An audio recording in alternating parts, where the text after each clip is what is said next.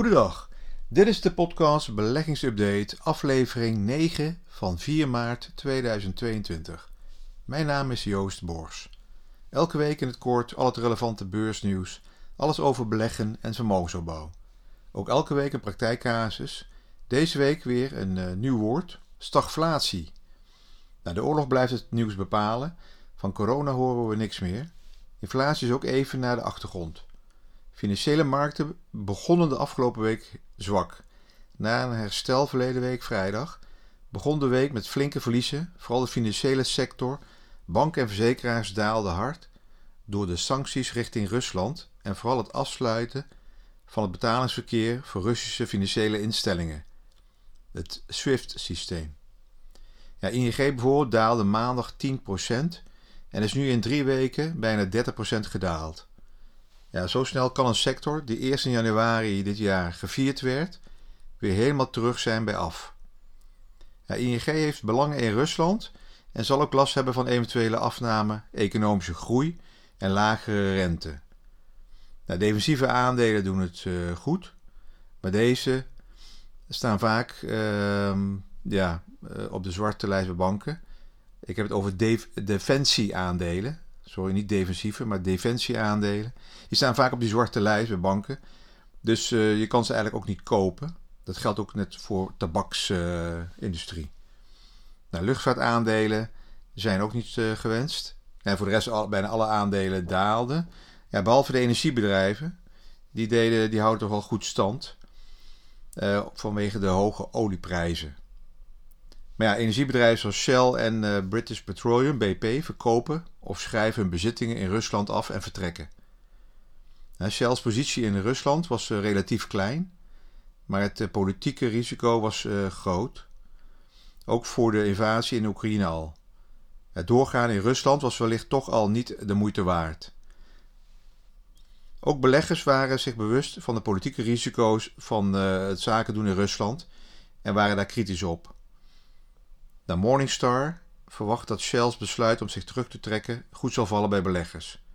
De financiële gevolgen blijven beperkt, want Shell benadrukt dat de strategie en dividendplannen ongewijzigd zullen blijven.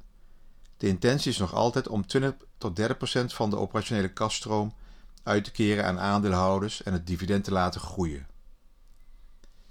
Natuurlijk zijn de Russische aandelen, beleggingsproducten en beleggingsfondsen ja, die zijn eigenlijk niet meer gewenst en kunnen niet meer gekocht worden. Let dus op wat je uh, nog hebt of wat je uh, gaat doen. De beurs van Rusland is nog steeds gesloten. Uh, vrees bestaat dat het, als ze eenmaal open gaan, de daling groter zal zijn dan 50%, waarschijnlijk op, op één dag. Ja, je kan zien aan de noteringen van Gazprom in Londen. Dat is wel mooi om te volgen even, als je het grafiekje kijkt. Ja, die zijn bijna 90% gedaald. Nou, in het begin van deze podcast zei ik dat inflatie als het meest gebruikte woord door de Oekraïnse crisis op, een beetje op de achtergrond is geraakt. Inflatie is niet weg en zal alweer terugkomen als de oorlog beëindigd is. Ik bedoel, de inflatie als probleem zal, uh, zal uh, wel weer terugkomen.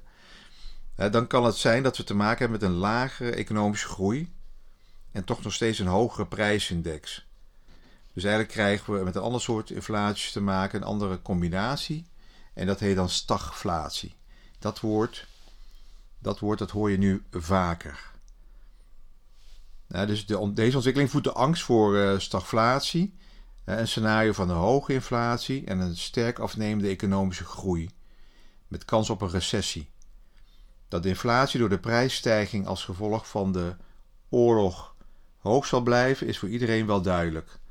Of de wereldwijde economische groei ook daadwerkelijk sterk zal afnemen, is, is eigenlijk vooral afhankelijk van de steunmaatregelen van de overheden in Europa en de snelheid waarmee de centrale banken in ons economisch blok de geldkraan dicht zullen draaien. De kans aanwezig dat de Europese Centrale Bank, de ECB, vooralsnog meer gewicht zal geven aan het bestrijden van de negatieve economische effecten van de oorlog en de, en de sancties dan dat ze zich zorgen maakt over het uh, terugdringen van de hoge inflatie. Als gevolg eigenlijk van de uh, gestegen energieprijzen. Nou, stagflatie verwijst naar een uh, economie die een gelijktijdige een toename van inflatie en een stagnatie van de economische productie ervaart. Dus een stagnerende economie met een hoge inflatie. Stagflatie werd voor het eerst erkend tijdens de jaren 1970, toen veel ontwikkelde economieën een snelle inflatie en hoge werkloosheid ervoeren als gevolg van een olieshock. Nou, misschien weet u dit nog wel, maar de jongeren waarschijnlijk niet. Dat we ook in 1970 hadden we een, oliecrisis met uh, boycott en een hoge olieprijzen. We hadden zelf een autoloze zondag. Nou, de heersende economische theorie in die tijd kon niet gemakkelijk verklaren hoe stagflatie kon optreden. Maar sinds de jaren 70 zijn stijgende prijsniveaus tijdens perioden van langzame of negatieve economische groei eerder een beetje de norm geworden dan uh, uitzonderlijke situatie. Nou, die term stagflatie werd voor het eerst gebruikt in de jaren 60, tijdens een tijd van economische stress in uh, Engeland en werd door uh, politicus MacLeod, terwijl hij sprak in het lagerhuis, werd dat woord voor het eerst genoemd. Hij, hij was aan het praten over inflatie, hè, sprekend aan de ene kant inflatie en het stagneren aan de andere kant van de economie, en noemde hij het een stagnatiesituatie. Het werd later opnieuw gebruikt om de recessieperiode in de jaren 70 na de oliecrisis te beschrijven, toen Amerika een recessie onderging die vijf kwartalen van negatieve groei uh, lang duurde. De inflatie verdubbelde in 1973 en bereikte dubbele cijfers in 1974 en de werkloosheid bereikte 90% in mei 1975. De stagflatie leidde tot de opkomst van de ellende-index. De ellende-index, deze index, die de eenvoudige som is van de inflatie en het werkloosheidspercentage, diende als hulpmiddel om te laten zien hoe slecht mensen zich voelden toen stagflatie de economie trof. Nou, stagflatie is duidelijk schadelijk voor de economie omdat hoge inflatie en onzekerheid over het inflatiepad verstorend werkt voor investeringsbeslissingen. Het is ook schadelijk voor de financiële markten, omdat door stijgende rentes obligatiekoersen dalen en aandelenwaarderingen ook naar beneden gaan. Voor huishoudens ja, betekent stagflatie dat de stijging van inkomens achterblijft in verhouding tot de hogere kosten voor bijvoorbeeld voedsel, energie, medicijnen, huisvesting en consumentenproducten. Het gevolg ook weer dat het de consumentenvraag vertraagt, waardoor de bedrijfsinkomsten dalen. Het blijft zo'n negatieve cyclus. Nou, dit zet dus de economie verder onder druk. Of we een stagflatie-scenario afstevenen, hangt voor een belangrijk deel af van de maatregelen die de overheden zullen nemen om de koopkracht te repareren. Want als die koopkracht eh, wat weer kan stijgen, dan hou je de economische groei nog intact. Bijvoorbeeld uh, uh, BTW op energie verlagen of het subsidiëren van de benzineprijzen, waardoor de inflatie wat naar beneden gaat en de consumenten toch nog wat koopkracht overhouden. Nou ja, we hebben de, de, markt, de aandelenmarkt heeft de renteverhogingen door de Europese Centrale Bank, de ECB, uh, die eerder was verwerkt in de koers, hè, die angst voor uh, rentestijgingen.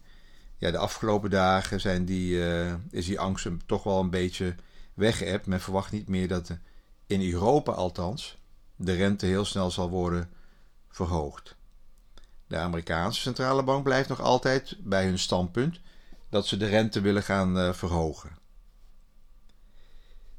Nou, de gedachte is dat de ECB de geldkraan voorlopig toch nog openlaat, maar ook de vlucht naar veilige havens op de beurs, eh, waar gisteren, eh, waar de afgelopen dagen door de belangrijkste reden, de, de, rentes op uh, euro-staatsobligaties over een brede linie flink daalden. In een paar dagen tijd is de angst voor inflatie omgeslagen naar angst voor groeivertraging. En voor een deel zit terecht omdat sancties tegen Rusland ook ons in het Westen zullen raken en de hoge grondstoffen en energieprijzen eh, die, ook, eh, die koopkracht uithollen. Daar had ik het al over. Hè? Het is op dit moment echter moeilijk te voorspellen hoe groot de impact uiteindelijk zal zijn. Het hangt vooral af van het duur en de verdere ontwikkeling van de oorlog. Nou, de komende tijd zal natuurlijk het beursnieuws en de koersen bepaald worden door de oorlog en sancties. Daarom is het ook moeilijk om uh, dat ik wat ideeën gegeven, andere dingen. Het, het, is elke dag weer uh, een andere aandelenbeurs. Ik heb verleden week al gezegd dat uh, ik zelf ook nog even wacht met een, vanaf dit niveau een verdere daling van tussen de 5 en 10 procent voordat ik wat kasgeld weer ga beleggen.